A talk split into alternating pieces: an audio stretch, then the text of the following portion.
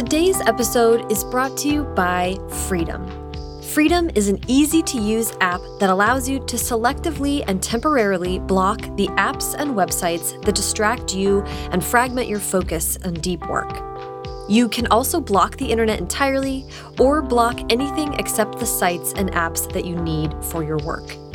So, you know, Twitter out, um, the dictionary in. Research shows that every digital distraction costs 23 minutes of time to get back to the state of flow and deep work that you were previously in. Freedom users report gaining an average of 2.5 hours of productive time every day. Two and a half hours! That's almost as long as the English patient. You could gain a full English patient every day. Freedom is the only solution that allows you to block distractions in sync across all your devices while you're writing. Mac, Windows, iOS, Android, Chrome, OS, they've got it covered. No longer can you turn to your iPad to go back on Twitter. Try it for free and then upgrade to premium with code FIRSTDRAFT for 40% off a yearly or forever plan. That brings the cost of freedom down to $1.45 per month with the first draft listener discount. That doesn't seem like too much to pay for just a block of actual brain space. With Premium, you also get features like unlimited sessions, unlimited devices, advanced and recurring scheduling, locked mode, and perks like discounts on a host of other great products that writers love. Go to freedom.to slash first draft to check out Freedom, and don't forget to use offer code FIRSTDRAFT, that's all caps, all one word, for 40% off a yearly or forever plan. That's freedom.to slash firstdraft, offer code FIRSTDRAFT.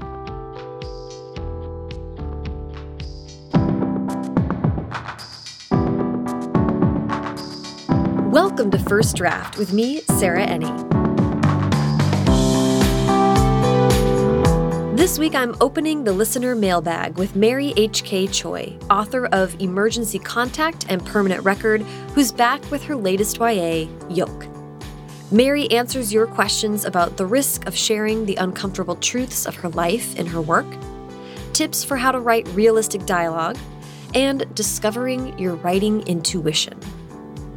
If you'd like to support First Draft, a quick and easy way you can do that is by subscribing to the podcast wherever you're listening right now, and by leaving a rating or review on Apple Podcasts. You can also go to the website, firstdraftpod.com, to check out the show notes for this and every episode, which has links to everything that we talk about. First Draft is an affiliate of bookshop.org, so when you shop through the links on the website, it helps to support the show and independent bookstores at no additional cost to you. The very best way to support First Draft while also getting tons of bonus content is to sign up for the First Draft newsletter.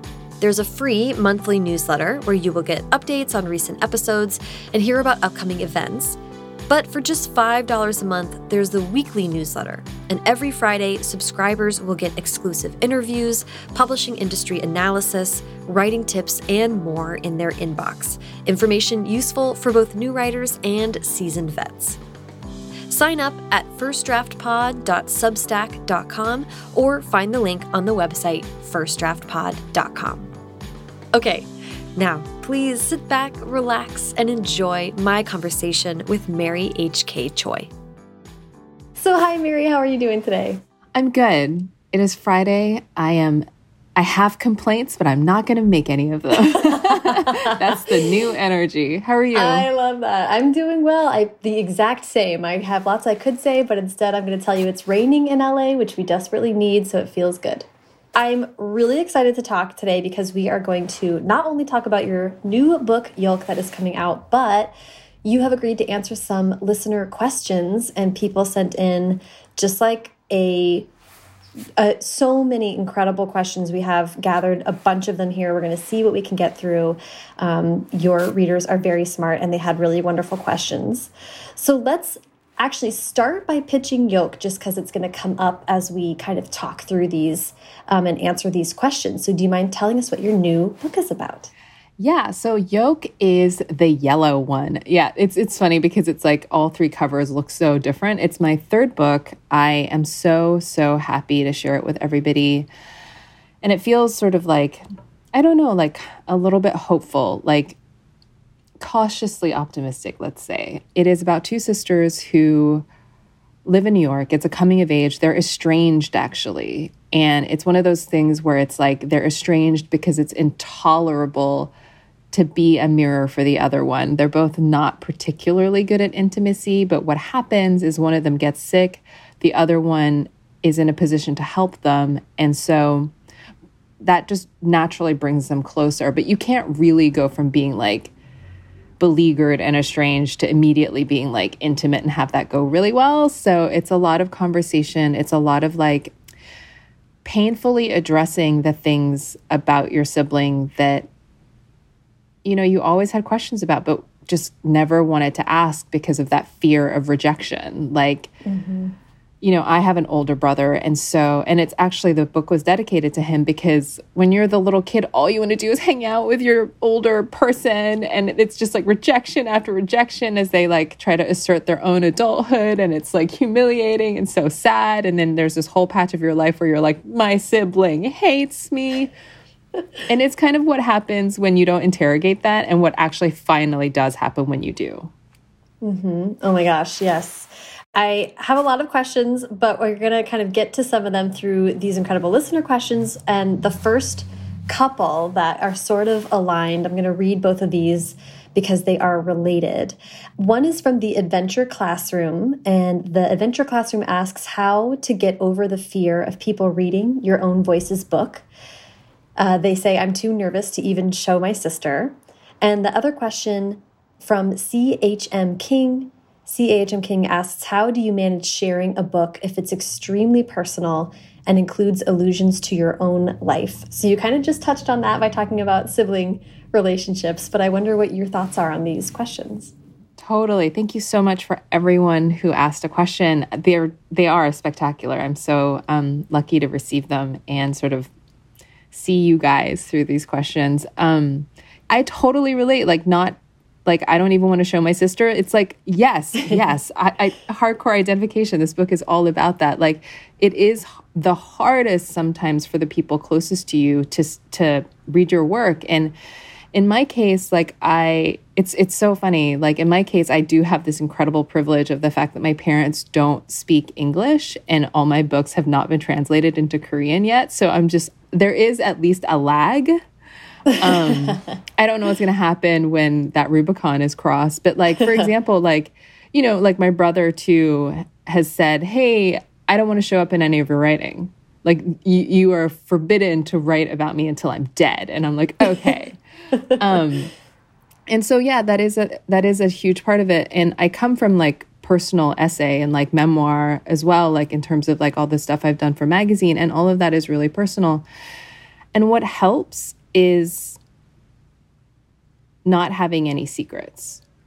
Like, I don't tell the entire world everything. Like, I'm not like, ooh, let me sacrifice all of these pounds of flesh to the point that it gets totally cannibalistic for commerce or anything like that. But every single thing that I've done or like has happened to me or that I've experienced, someone in the world knows about because I've told them. And that is a product of the fact that like I you know, I have a I have a pretty full history like a lot of us do. Like we've had to go through a lot of like snares and scrapes to get to the places that we are and like especially like writers and creatives like we're we're sensitive we can cut deeper than a lot of other people and you know there's a reason why there's certain themes that can be triggering triggering in my books like you know Yolk deals with eating disorders and like asking for help and mental health issues and emergency contact dealt with coercion and sexual assault and trauma and panic attacks and same thing with um, permanent record. And i just for me it's like can i write about it in a way that just dulls some of that sting, right? You're only as sick as your secrets. And so, and then being able to fictionalize it also protects me a lot. And so, yeah, like, I don't know, like, it is really scary. But I think once you start doing that work, you can sort of exhume your own truth in a way that is hugely nourishing and hugely restorative to me. And as an older person writing for younger people, I actually think that there's a huge service element to it. Like, I think it's important to be like a little just safe place to be like, hey, like, I don't know if anyone else in your life knows anything about you, but if it's eating disorder related and you and I see you and you see me and you say something to me, like I am a safe place and you you can know that about me. And if my book is the conduit through which that can happen, like I I think that that is just like just really magical and beautiful. And so it is a risk. It feels icky. But in my experience, it's been a risk that pays off. And the whole time I'm doing it, it's uncomfortable and intolerable and shameful and weird. And I think if you're willing to endure that a little bit, you'll at least know that you're in the right place. so, yeah. yeah. I love that question. It's just embarrassing. You know, it's like, yeah, it's like, what does yeah, it feel like to, yeah, it's like, what does it feel like to be a writer? You're like, it's humiliating, and that's it. yeah, it's really like, and and I, I think it's such an interesting framing this question. How how do you get over the fear? Like, we say this all the time, and it's a, it's definitely somewhat of a cliche, but you know, write what you're afraid of, or write what makes you scared. Like, there is some reality to the fact that in being a writer means that if fear is there, you have to interrogate it because often fear is good it can be good. It can also be scary, yeah. which you should listen to. But the the framing, I would suggest, especially for the adventure classroom, to reframe that as also like giving the people around you the opportunity to show you support because that was really impactful for me when my first book came out. I was very scared of people in my life knowing about it, but then especially like I'm thinking of certain cases where people just showed up in ways I couldn't have even ever anticipated. And so it just changed my relationship to them because it was like, oh, this is, and it, my relationship to myself, it was like, this is a way that people can show up for me specific to me as a writer, you know, is really powerful. Yeah. And also, like, I love that because it's like, you know, I, I it's, it's like you're rooting for me and you're in my corner. And that really models for me the way I can show up for you. And it gives me permission to show up for you in a way that doesn't feel intrusive. Like I am so socially anxious. And so if like I like if I don't have like a, a manual for like, hey, this is how you show up for me, like it's almost like a wish list. I, I can be like, oh my God, I can do this because I can be a little didactic. I can be a little black and white or binary. I'm like, zero zero one one zero zero one is the way that you want me to be here for you. Like, oh my God, I can do that with so much joy. Mm -hmm. And then when you receive that love, it can be really embarrassing. Like receiving support, like people kind of don't talk about how it's so embarrassing but it's so mm-hmm. Beautiful. And yeah. I think that that gooey thing past the shame and embarrassment of just like almost wanting to cry, you're so touched, is like that truth source that all like beautiful, amazing storytelling comes from. And then kind of going back to the question, like, how do you get over it? I think you and I pretty much agree that you don't, right? like, yeah. Yep. You just on and honestly, this is part of why like being traditionally published means that there well, you just there's a release day and then you just deal with it. Mm -hmm. yeah, and then you worry about a whole set of different things. Mm -hmm. Exactly. Yeah. oh, I love that. Okay, let's see. The next question. Okay. Let's jump to the question from Elliot Court about your forward for Yolk, because this is more discussion about the book being really personal for you and what you were want you obviously were thinking about the reader of the book. That's what i felt when i was looking at that forward. And um, can you the elliot's question is mary's forward for yolk floored me. How did she come to the decision to write and include it? Um, Elliot, thank you so much for your question because this gives me such an opportunity to talk about an aspect of the book that really was personal and really was meaningful to me. Like there's so many incidences, especially with like YA, where you're like, I wish this book has had existed, or I never saw myself in a book before, and so I, I wanted to write one or whatever. And this has an aspect of that. So there is, you know, I wrote in the foreword a note that was to serve a little bit as a trigger warning, but also just kind of like a hand holding to be like, hey, this book might be emotionally expensive for you depending on your ingredients because it is based on my personal experiences with an eating disorder, disordered eating, dysmorphia, and bulimia. And I just wanted to to sort of invoke all those kind of Voldemort words to just be like this is a thing that is in my life. Like this is a thing that for me has been a superpower because it's made me so sensitive. It's forced me, like I was on my knees with disordered eating and the abuse and violence that I did to my body. And that really led me to a type of honesty and an unburdened state that allowed me to be free enough to write. And, you know, there's a part of it too that I just that's almost like a prayer to anyone who reads it, which is that like truly like take up space. Like everything about writing, everything about creation is wildly unsolicited. No one will have like demanded something of you. No one is going to be like, I'm going to give you all this money, cash, and prizes and adoration if you do this. like every piece of writing will be unasked for most of the time. And so it's incumbent on you to believe in yourself and to take up space no matter what any of the messaging around you has been in order that's told you that it's safer to make yourself small. Um, and that is your birthright, and being sens- sensitive is a part of it. And yeah, I just wanted it to kind of be committed to paper and just be printed and be a prayer to just acknowledge and hold space for like sensitive souls who really, really struggle with having a body? Okay, well, that was such a good question. We have a couple really great craft questions, which are always so fun. especially, specifically, these questions are about dialogue. So I'm going to read these couple questions because they, again, kind of go together. So the first one is from uh, Nuse Blah. I'm not sure if I'm saying that right, but they ask, How do you write dialogue? Does it come easy to you or does it take time to develop?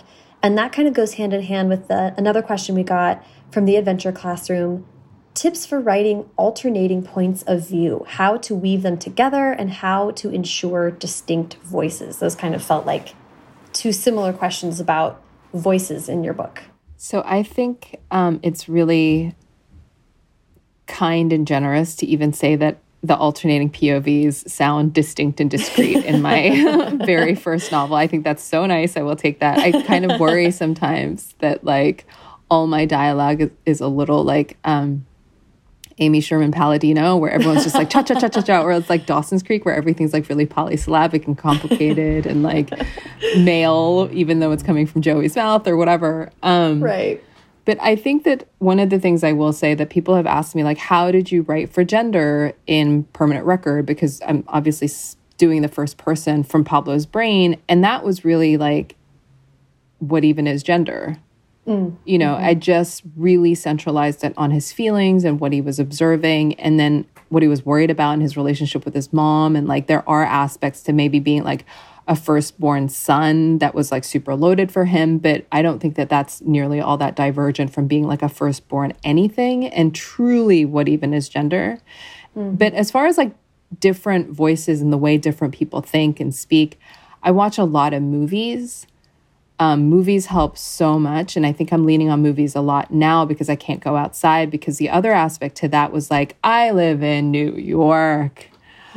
you can't go anywhere without even like accidentally hearing like 20 disparate conversation. There is no just like geyser of dialogue more potent and just more overpowering than just like the subway or wherever in New York. And that was just like so bountiful and abundant. And so I'm constantly eavesdropping. I'm constantly writing things down. I'm constantly writing these like golden little nuggets, but then seeing what it says about different people. Like, mm-hmm. I think that's why movies really help a lot because I think, you know, I watch a lot of Coen brothers movies because I'm like, oh my God, the richness, the poetry, like I can't stand it. Like the the subtext, I can't deal. Um, you know, and then just like this the sort of sing-song vernacular regionalities and things like that. And I mm-hmm. love that so much. But, you know, I think that dialogue is this really funny thing that I lean on a lot. Like a lot of people have been like, "Hey, like plot,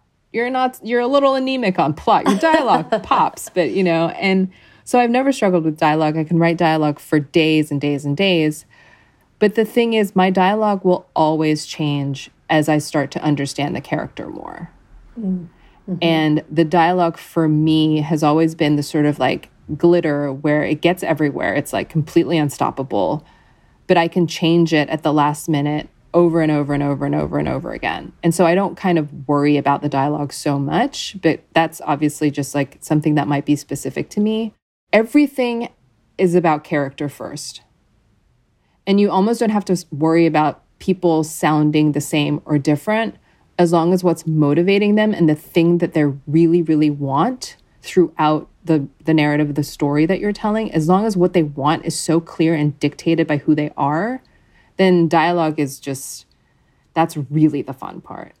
That is actually i think totally the heart of it is i would say that i also don't feel um dialogue feels like it comes most naturally to me as well. And i and there's still a lot that goes on in revision honing it and crafting it but it's very like i think that sometimes people get hung up on it. Like as soon as they type the apostrophe they're like what do characters say? And it's like well what do friends say? Like what's the tone of your group thread? What does it sound like when you're on the phone with your mom? Like these characters are especially when you're writing contemporary like you and i are like these are contemporary people. They won't sound very different from you or I. And, and honestly, they shouldn't, right? I shouldn't be trying to write. I, I am writing a book right now with a British character, and I'm like, do I use British slang? Like, this is going to sound so unnatural. So that's my whole thing I'm dealing with now. But to your point, like, you know, when you have that friend who is newly fallen in love, every time you talk to them, they are going to talk about their the new the object of their affection. That's going to come up over and over again, and that because that's how it is. So just to your point like when you have characters that care about something or what's going on with them what is what's their motivation what are they dealing with like if you think that way it'll all kind of wash out. I think you'll just get a sense like yeah if someone is rushing to third period and worried they're going to fail out then that's going to be their vibe. It's going to be this frantic totally different dialogue than if your main character is just thinking about tea or something so you don't have to be so wrapped up about it. And I actually really love that. And that's like, this is why I love you and the way your brain works because you're always oh. like so process. And I, I love that because, you know, what you're even saying about like your friend who's newly fallen in love, it's like, yes, it is 100% what they say. But let's be honest, it's also a thousand percent how they won't shut up about it. So it's like, and how they tell you the same story over oh, and over yeah. again. So, yeah, and yeah. you can have that in your book. You don't have to cut that out. It can be that annoying friend who's like just on one. Mm-hmm. And that's their story, and they say it over and over. And that repetition of dialogue is also really important too. Mm-hmm. And and and what you were saying about rushing to like class, it's like, and like say you're rushing to class, and and you are mad at them Mm-hmm. And so mm-hmm. it's like, what do you say? You're just like, oh, I'm late for class. And it's like, what doesn't get said? Or like, you know, there's, and that's dialogue too. Like, so mm-hmm. much of mm-hmm. dialogue is what isn't there also. Mm-hmm. And that's why I do love saying, like, watching movies because so much of it isn't like, you know, did you want that? It could be like silence, but then they pick up the thing and move it slightly away from the other person. and you're like, that also is dialogue that speaks yes. volumes. And so, you know, I yes. do I do love that aspect of it too because yeah, but what you were saying also that I think is such a good point. It's like what do you sound like? What do your friends sound like? If yeah. dialogue is hard for you, um literally I would like record yourself. You know, like yeah. like how would you tell the story or what would you say to a friend like it's so cringy because then you're listening to your own voice and you're like, oh my God, I hate this. This is this is horrible. But that's also really helpful too. When you're like honing your voice, I think. Yeah, you know what? That's so funny, Mary, because you and I are both talking about about this and we are both very used to listening to ourselves talk like we are podcast people we have been journalists and when you're whenever you're a journalist you have to listen to playback of tape and you have to hear yourself answer ask questions which is to, which is the always worst for me the most thing. excruciating yeah. but it I, I i think do you, i wonder if you agree with this. I think i have had to get over that but now i'm like so accustomed to hearing my own voice and if i listen back i'll even be like oh i wonder if about this and then i'll hear myself say it. It's just like i've gotten so accustomed to my own ticks even Yes. And I love that even too when you're revising because you're like in in a conversation and then you're like, "Oh," and then you're like, "Heh heh heh," and then you write a joke and then you find that same joke that you wrote earlier two lines down and you're like, "Oh my god, I'm so predictable." And I think that that's a really good point too. It's like the question that wasn't asked or the question that's within that question, which is that like just get used to things it's it really is that whole 10,000 hour thing. And it is mm-hmm. funny because you know, it's embarrassing to hear yourself ask questions. It really is the worst because you can hear how nervous you are, like all this Yes. stuff. Oh, but then man. if you can get to a place where there's like humor and almost affection for yourself, it's like, ha ha, mm-hmm. you are embarrassed, but I love you. Then you can really like get so much value out of it. And just like, I think like really honoring your writer and that curious side of you and that, for me, that childlike side of me that's so nosy, like, and just having affection for that person, I think also really helps just being a writer in general. Yeah, I, I would definitely agree with that. Um, okay, that those were such good questions. I love. I haven't talked about dialogue in a minute, but I love that.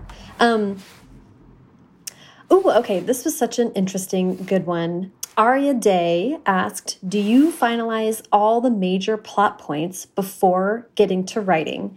And a question, another question we got that I thought kind of tied in with that from Sunji Moon Lim is how has your writing slash ideating process changed since your first book? So I thought about this as like, what is your process and how has it developed over time? That's a really, really good question. Thank you. They're both really great questions. So I think it's so generous and nice to say that I've evolved in any way because sometimes it feels like I'm like, I don't know what I'm doing. And then it sort of ends. Um, I would say that, like, it ends. you know, and then it's you just run out of time. yeah, exactly. I know that I- feeling. yeah, like I am kind of I'm not a I'm a pl- I'm a plotter. Like I never thought I would be. I thought I was like team pants all the way, but I do have at least the major plot points to hit because my first draft is always so so hideous and like I write it quickly just to kind of get it over mm-hmm. with. And so it's a pretty classic like 27 chapter 3 act structure, like it's it you know, there's plus and minuses, there's tension, there's like, you know, mm-hmm. there's all these things, there are rhythms that I think are just inherent in like a good story. And it sort of like follows the three act structure, even like a, in a movie or something. Um, but I will say that my writing process has changed in that Yolk took me so long to get into. And that isn't anything like it almost sounds I wish that I could be the steward of the own cha- of my own changes and the way that I write books because this book just kicked my ass. Like I have the first two acts of Yolk written three different ways. So I have it in the first person Wow. of just like I have it dual POVs in third.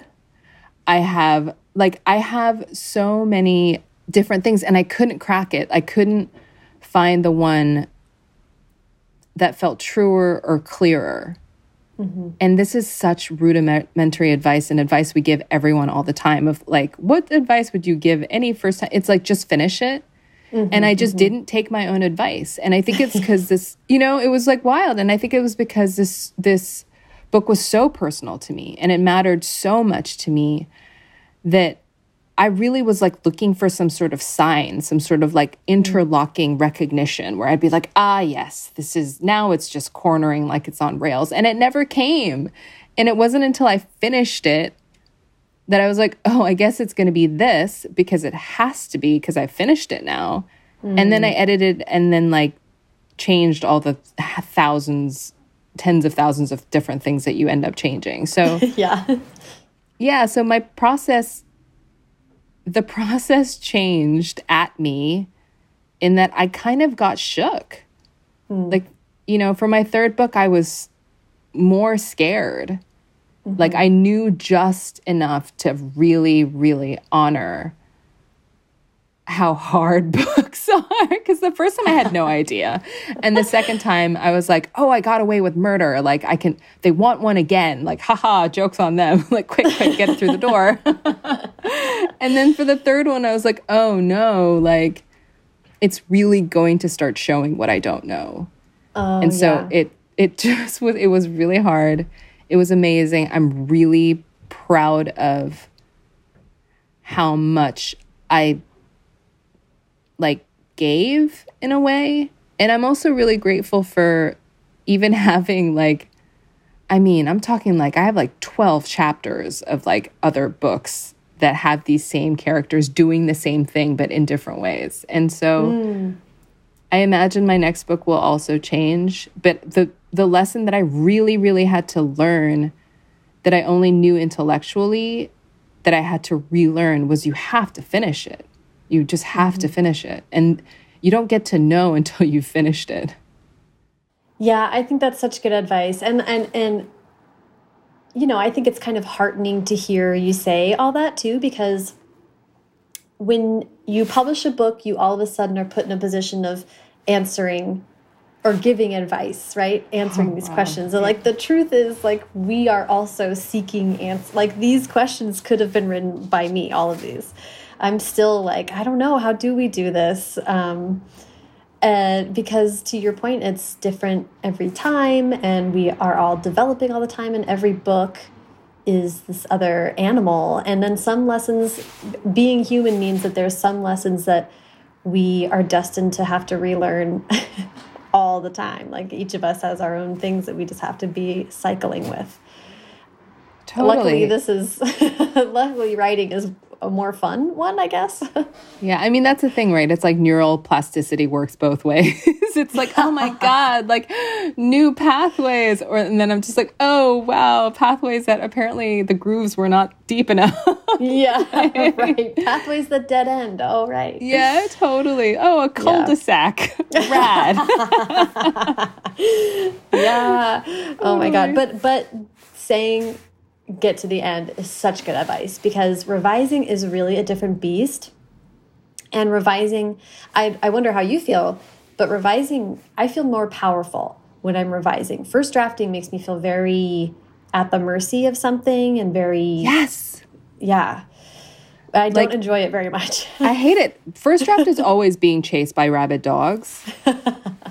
Revising is writing while breathing. Mm -hmm. Mm -hmm you know that's like, really well put. Because again like you were saying it feels like a fluke every time. Mm -hmm. you know it's like how do you write a book? I'm like i don't know. I got struck by lightning three times. Like i don't know. Yeah. but like yeah that's just that's just such a real thing. And and just to to re-emphasize the the most practical part of this question is you said that you do know kind of the tent poles or or at least the kind of basic outline um, structure of the book before you begin. Just for you, like literally, what does that look like? Do you write it down in a notebook? Do you have a Word document like that? Are you like looking at a oh vision board of it? How, how do you see it? So I wish I knew how to use Scrivener properly. Like other people are like, yeah. And then it's like, you know, it's just this beautiful algorithm that just floats in front of my eyes and I move around whole sections and it's seamless. I don't have that at all. I can't I also can't use note cards, I've learned. My process is all on a Word document. I can't I can't even do a Google Doc. Like it can't really? even be online. Like it's just it's got to be a Word document. And it is what I do first is I just like basically have 27 bullets and everything is just like this happens, then this mm -hmm. happens. This happens, they have a conversation about this. This happens this happens. And each one of those things has to feed into the next thing or or the few after it. I've seen people do those like amazing like like grids where they like have different themes and like sub themes and plot points and then see how often it sort of repeats itself and like you know did I tie up this loose end like let me let me check my like chart. Mm-hmm. I actually love those charts. They don't really apply to my book until very late in the process. Like it's mm-hmm. actually in a revision that maybe I'll start looking at like whether or not I tied everything up because the first draft will always just be this happens, this happens, this happens, this happens. It could be the most like artless, uncharming thing, you know what I mean? Yeah. But it just has to be there. And that yeah. first draft I do usually write within like a month because it's mm-hmm. like it really doesn't fucking matter. Mm-hmm. Just get it down. So your first drafts could almost be like long outlines, like this is a happening. Hundred percent. Oh, yeah. totally. Like, yeah, an outline I would never inflict on anyone is what my first right. draft looks like. And you know, I love and I love this question and I love that you ask it because I, I'm so nosy and I love the answers. and like those people who like write a first draft and then they're like, and then I move a few words and then it's it. I know. Like that, that's cool though. I mean, like definitely that has nothing cool. to do with me and I can't let it haunt me in any way, but it's cool. But you know, actually, what was also helpful that I'd never tried before that I did do for Yolk is that I did write some scenes longhand. And that was really great because I I never really filled in the dialogue, or, or I would just write a few words that would come up in that conversation. Mm-hmm. And what's also really interesting is that I didn't use any of it any of the stuff that I wrote longhand, but it really it super duper focused who these people were. Like mm-hmm. I apparently needed to spend time with them away mm-hmm. from the story to figure out how they like interlocked with each other.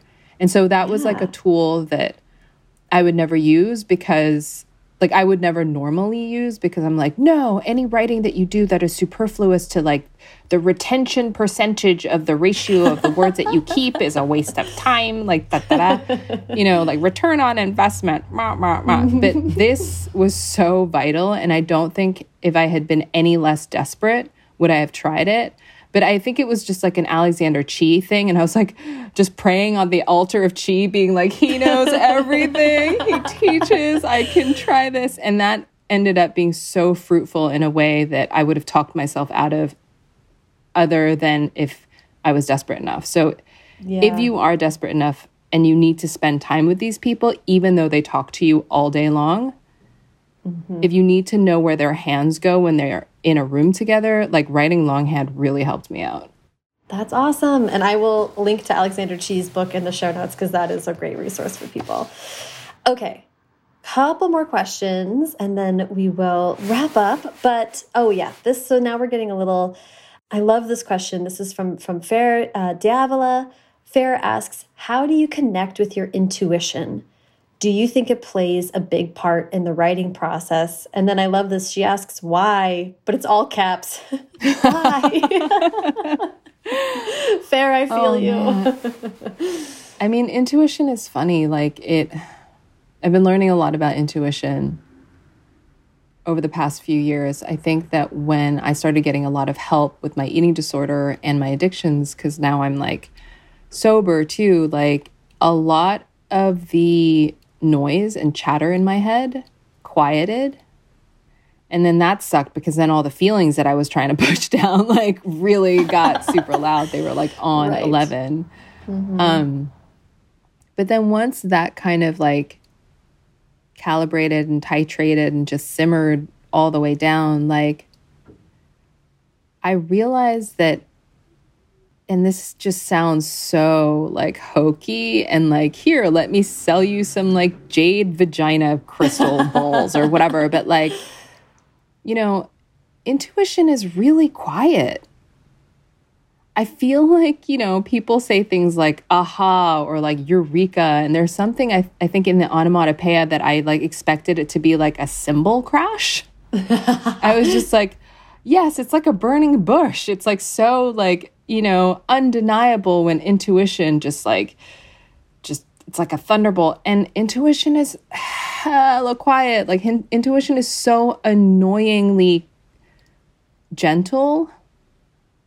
And it's and antithetical to like my natural like inclination of like impatience and rushing and mm-hmm. doing everything out of fear. Mm-hmm. and so mm-hmm. I meditate. And what meditation looks like for me is just a check in in the morning and feeling my body because I, hate having a body. And, you know, I can't connect with my body looking in a mirror like I always think I am. And I'm like, that is the worst funhouse mutation thing that you can do to yourself. And so I actually just have to sit inside my body and be like, this is what my hands feel like from the inside. This is what my feet feel like from the inside. Like, this is what my arms feel like from inside my body. The call is coming from inside the house. And like, there's something about that place where like suddenly the I got all bars on my mm. like intuition Wi-Fi. Mm-hmm. And intuition also for me is so critical to writing because it's the truth of the story that I want to write. When I'm in like ambition, which some an ego which to me is the opposite of intuition then i'm trying to write the book i think is wanted and i just don't know what that is and i get lost and i ne- it's just a book that i could never finish and like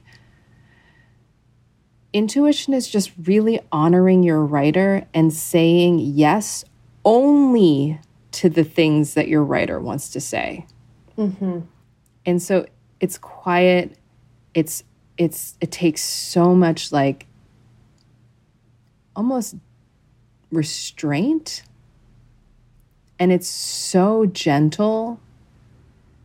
And in the same way that you don't get to know what you don't know it's like it just feels so true but that true feeling is actually like weirdly small.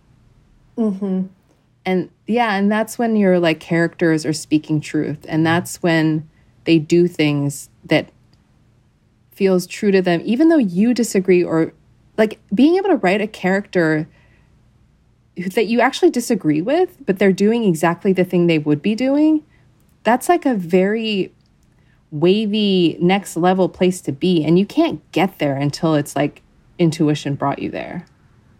Yeah yeah, I love that. I, I could not agree more with that. I've found the quiet voices, the quiet voice, which is, of course, the hardest one to hear, is the one that's usually like, well, you know, you know what you want to do. You know, it's, it's, it's a very difficult process to unlearn a lot of we we are taught to distrust our intuition and to move away from it and to not prioritize it and to not listen to it.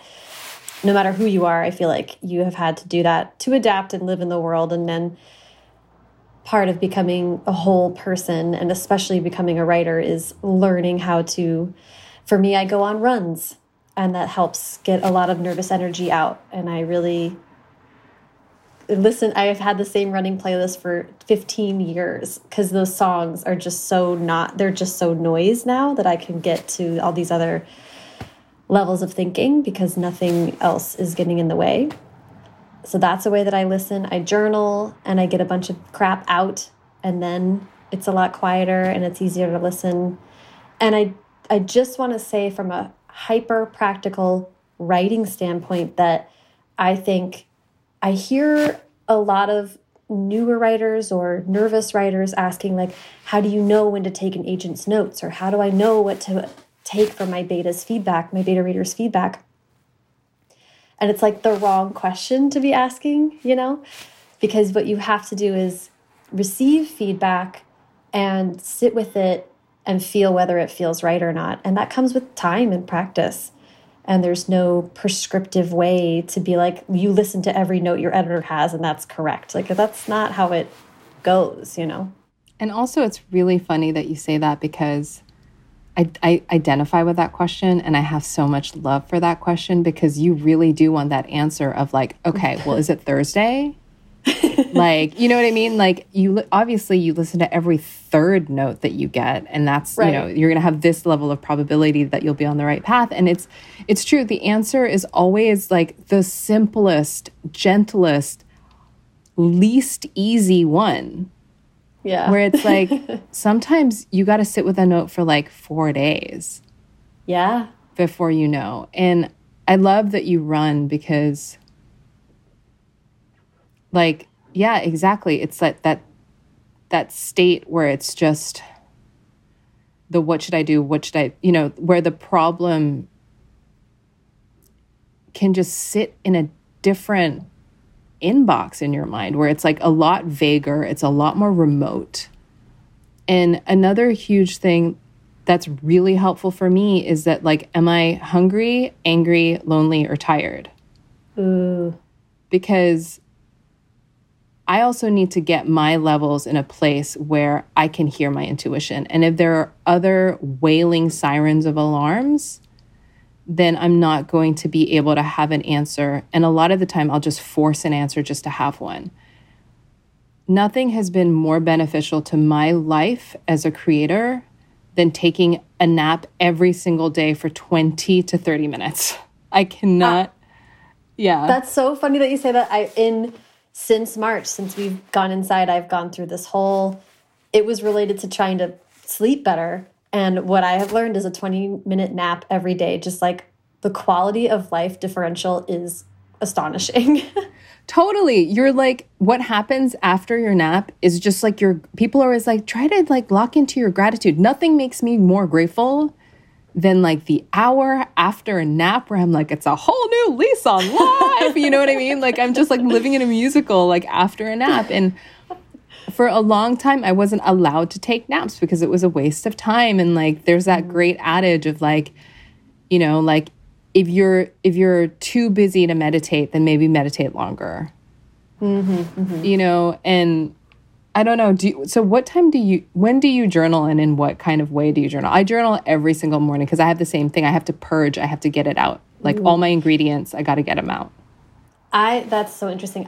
cuz I um it's before bed for me and what I've mm. and I used to mm. read before bed to go to sleep, right? And now I what I realized again, it was just tied to trying to sleep better is like I had that thing where you wake up at 2 a.m. and you have to write a to-do list on your phone and then you can go to sleep. Like it was this all this like i wasn't writing down and getting out my feeling mm. um, or just like what scattered random anxieties. So i have the most boring like it's like not a journal where i'm like writing these beautiful Anaïs Nin like whatever. It's like I did this today and I'm worried about it. Tomorrow I will continue worrying about it. It's like, well, now that I wrote it down, it's not in my head anymore and I can just like rest. so I do that before I go to sleep. That is so kind.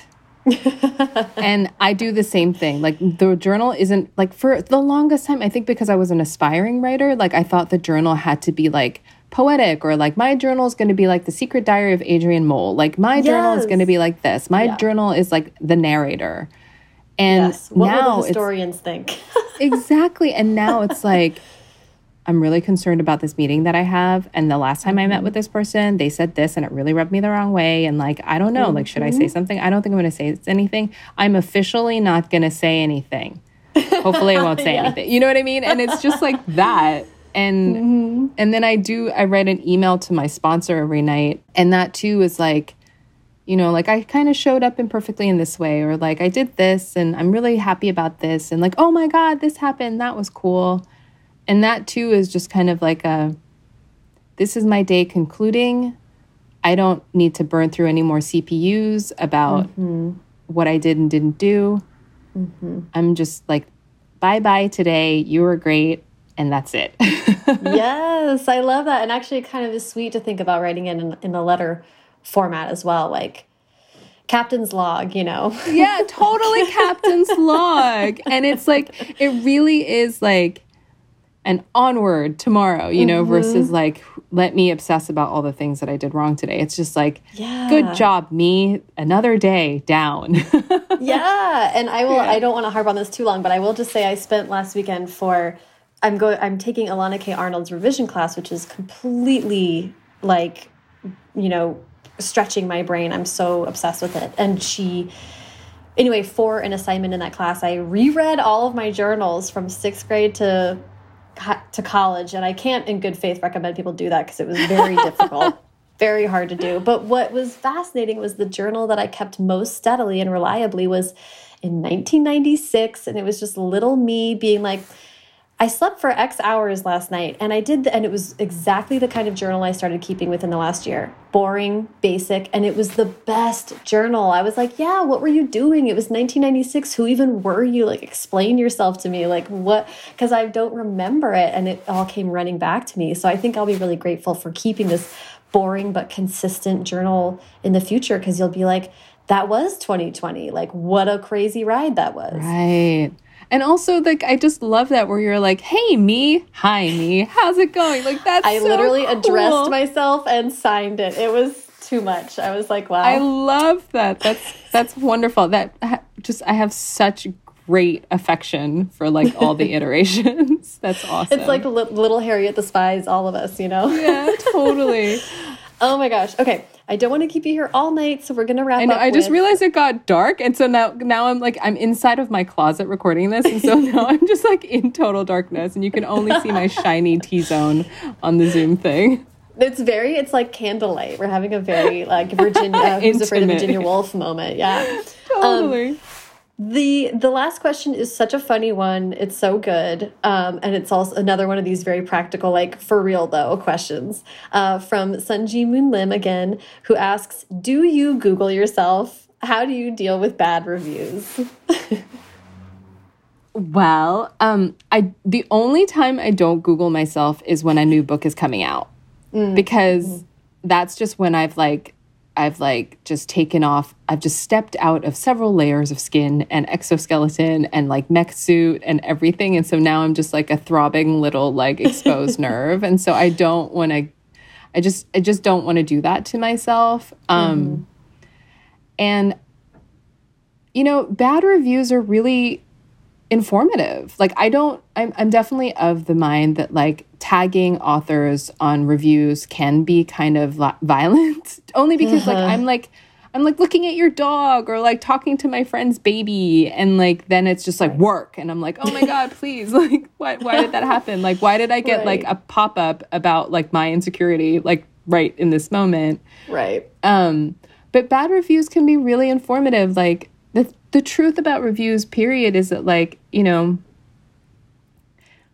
everything has to do with the person's mood when they read you like mm-hmm. you know in, mm-hmm. in, the same way that like books can hit differently when you read them outside of school and you're like oh this mm. is actually is a work of genius mm-hmm. my bad and like yeah. right you're like i resented you when i had to have a quiz but this is amazing oh it was just junior year it wasn't you yeah yeah totally like do you know what else was going in my life like let's go to the diaries like a lot you know it's like it, it's so mood based like you could hate my book because you had an argument with someone. Like if I was trying to control that, that would be wild. And and then the reviews that are actually like just like, you know, I really do think like like rigorous, fair, even-handed and contextualized criticism is a lost art when everyone's just out here with like fuego takes blazing, but like you know, there there have been comments that are true. Like a lot of people are just like, this is boring,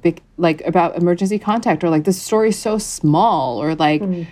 you know, nothing really happens. And th this is all really fair. And some of it is because I don't know how to plot.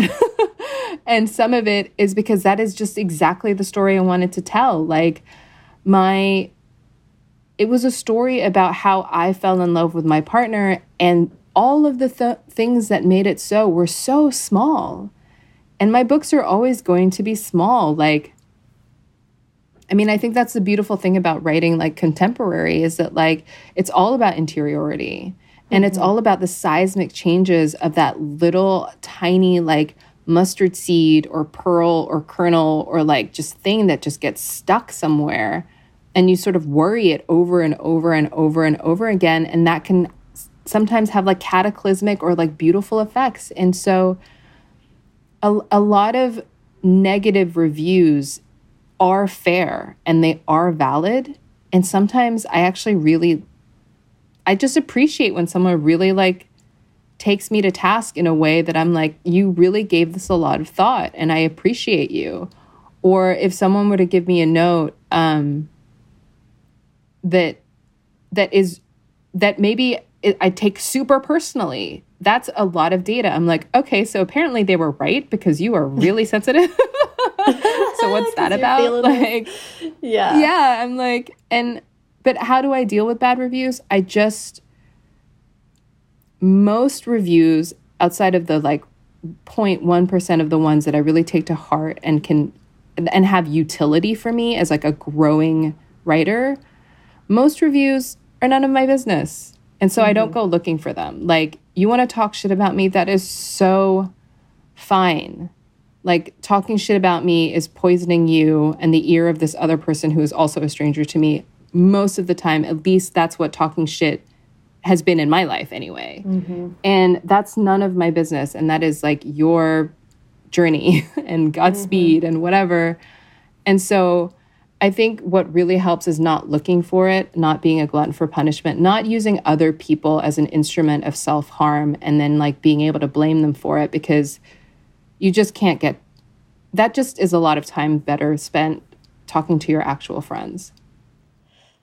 I think that's it. I think you completely nailed it. I also do not um, Google myself or look for reviews. It's not um, it's not about me. I mean, I just couldn't agree more with everything you said. What what comes to mind is I, I don't know if you've seen this John Mulaney bit where he talks about why teenagers are so terrifying. And he's like, it's because I, I'm going to butcher it, but I'll link to it. But he says, like, they just have a way of zeroing in on your biggest insecurities in a second. And he, his example is like, that tall man with womanly hips or something. And he's just like, how did they know? And I kind of feel like reviews can be like that because they just, we as artists have our own insecurities about our work and so they're going to be like flashing neon signs if they show up in reviews. It's like, I mean, in, in your case, you're saying that people talk about them being, I mean, your books are about intimacy, and intimacy isn't like running into a burning building, you know, or it, it doesn't have to be, you know?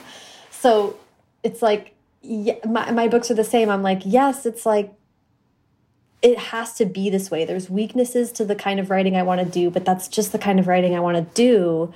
And hearing more critique about that isn't going to help in the long run. Those people just need different books. Like it's just exactly. separate. Yeah, separating those things. I mean, sometimes what really helps for me is that like it's just like transposing contemporary as a genre instead of my book title. I'm just like, you only love fantasy. That's this is what's happening. like, yes. And that's fine. Yes. And it has nothing to do with me. Yes. Um, but yeah, like and you know what? I mean, verdicts always, especially on creative things, like verdicts always have so much more to do with the person levying them than it does the actual like piece of craft or content. And so mm -hmm. I think take a nap. and yes. that will be the cure.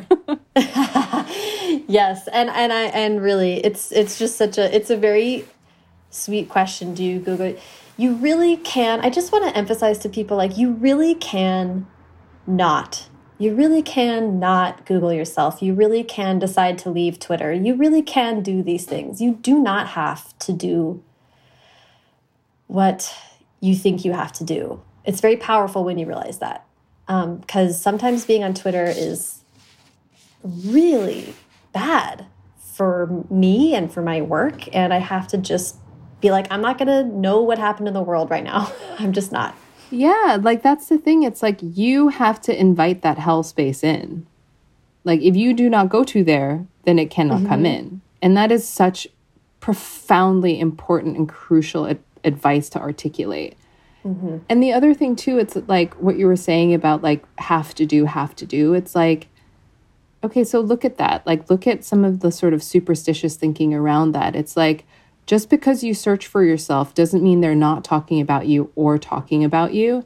And it's a kind of like, it's that, and I really relate. It's like the reason why I consumed an unholy amount of news at the beginning of the pandemic is that I thought if I doom scrolled fast enough, I can get the facts fast enough that I can protect myself and my loved ones. And then I'm mm-hmm. like, okay, let, let's just dial that back a little bit. Do you think you can save your mother's life by reading Twitter? And I was just like, yes, apparently by my actions, but this makes yeah. no sense. So I'm going to stop doing it. And it's kind of the mm-hmm. same thing. It's like, it doesn't make you a different writer. It doesn't it, it changes factually nothing about you. It's just that illusion is how they commodify everything and make money off of us. That illusion, that insecurity is the most valuable and commodifiable thing that they can scrape off of each of us. And we can choose to participate or don't. Like and subscribe. I am like snapping into my recording. Yes. No, I mean it. it's it's like so many different versions of like please also buy our books, but like, you know, I don't know, it's but you it is a choice. That's a real thing. Yeah. It's a choice. Yeah. Yeah, so and it kind of just when someone has a question like that, it makes me think they might be coming from a place of like I give you permission to not have to Google yourself, you know, like you don't yeah, have to do it. A lot totally of this podcast serves as permission structure for just saying the thing that people are scared to to let themselves do, which I think is a very I'm happy to do that for people. yeah, and it's it's a really sort of like squishy amazing place for that. So thank you for thank you for the space. Oh, well, thank you for thank you for joining me today and for having such wonderful answers. I was I feel like I was completely I just second everything Mary says. That's also how I how I feel, what I relate to. Um, so this was a really fun conversation. It was a treat, and hopefully next time we talk, you will come over again like you did last yes, time, and we will be, be so in places. Yeah. Thank you again. Have a beautiful night. You too. Everyone, go get Yolk. I'm so excited for it, and congratulations, Mary. Thank you so much. Thank you so much to Mary. Follow her on Twitter and Instagram at Choi to the World. Follow me on both at Sarah Enni and the show at First Draft Pod. Thanks again to our sponsor, Freedom, the easy to use app that allows you to selectively and temporarily block distracting apps and websites. Go to freedom.to slash first draft to check out Freedom, and don't forget to use offer code FIRSTDRAFT for 40% off a yearly or forever plan. That's freedom.to slash first draft, offer code first draft.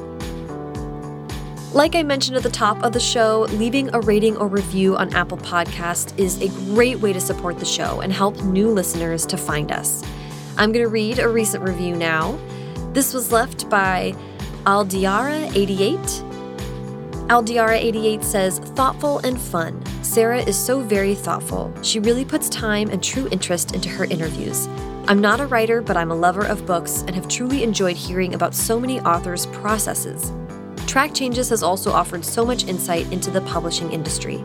I look forward to each new episode, and I'm so glad I stumbled onto this podcast earlier this year. That is such a great review, and it's so interesting to me when I hear about people who listen to the show who are just readers and who are not interested in writing particularly, but still find a lot of value in the show. That just like warms my heart. I'm someone who always loves to know um, behind the scenes goodness, so I think that's kind of what we offer to readers with this show. Thank you for taking the time to leave that review. It makes a huge difference, and I so appreciate it. First Draft is produced by me, Sarah Enni. Today's episode was produced and sound designed by Callie Wright. The theme music is by Dan Bailey, and the logo was designed by Colin Keith. Thanks to social media director Jennifer Nkosi and transcriptionist at large Julie Anderson. And as ever, thanks to you, rabid dog revisers, for listening.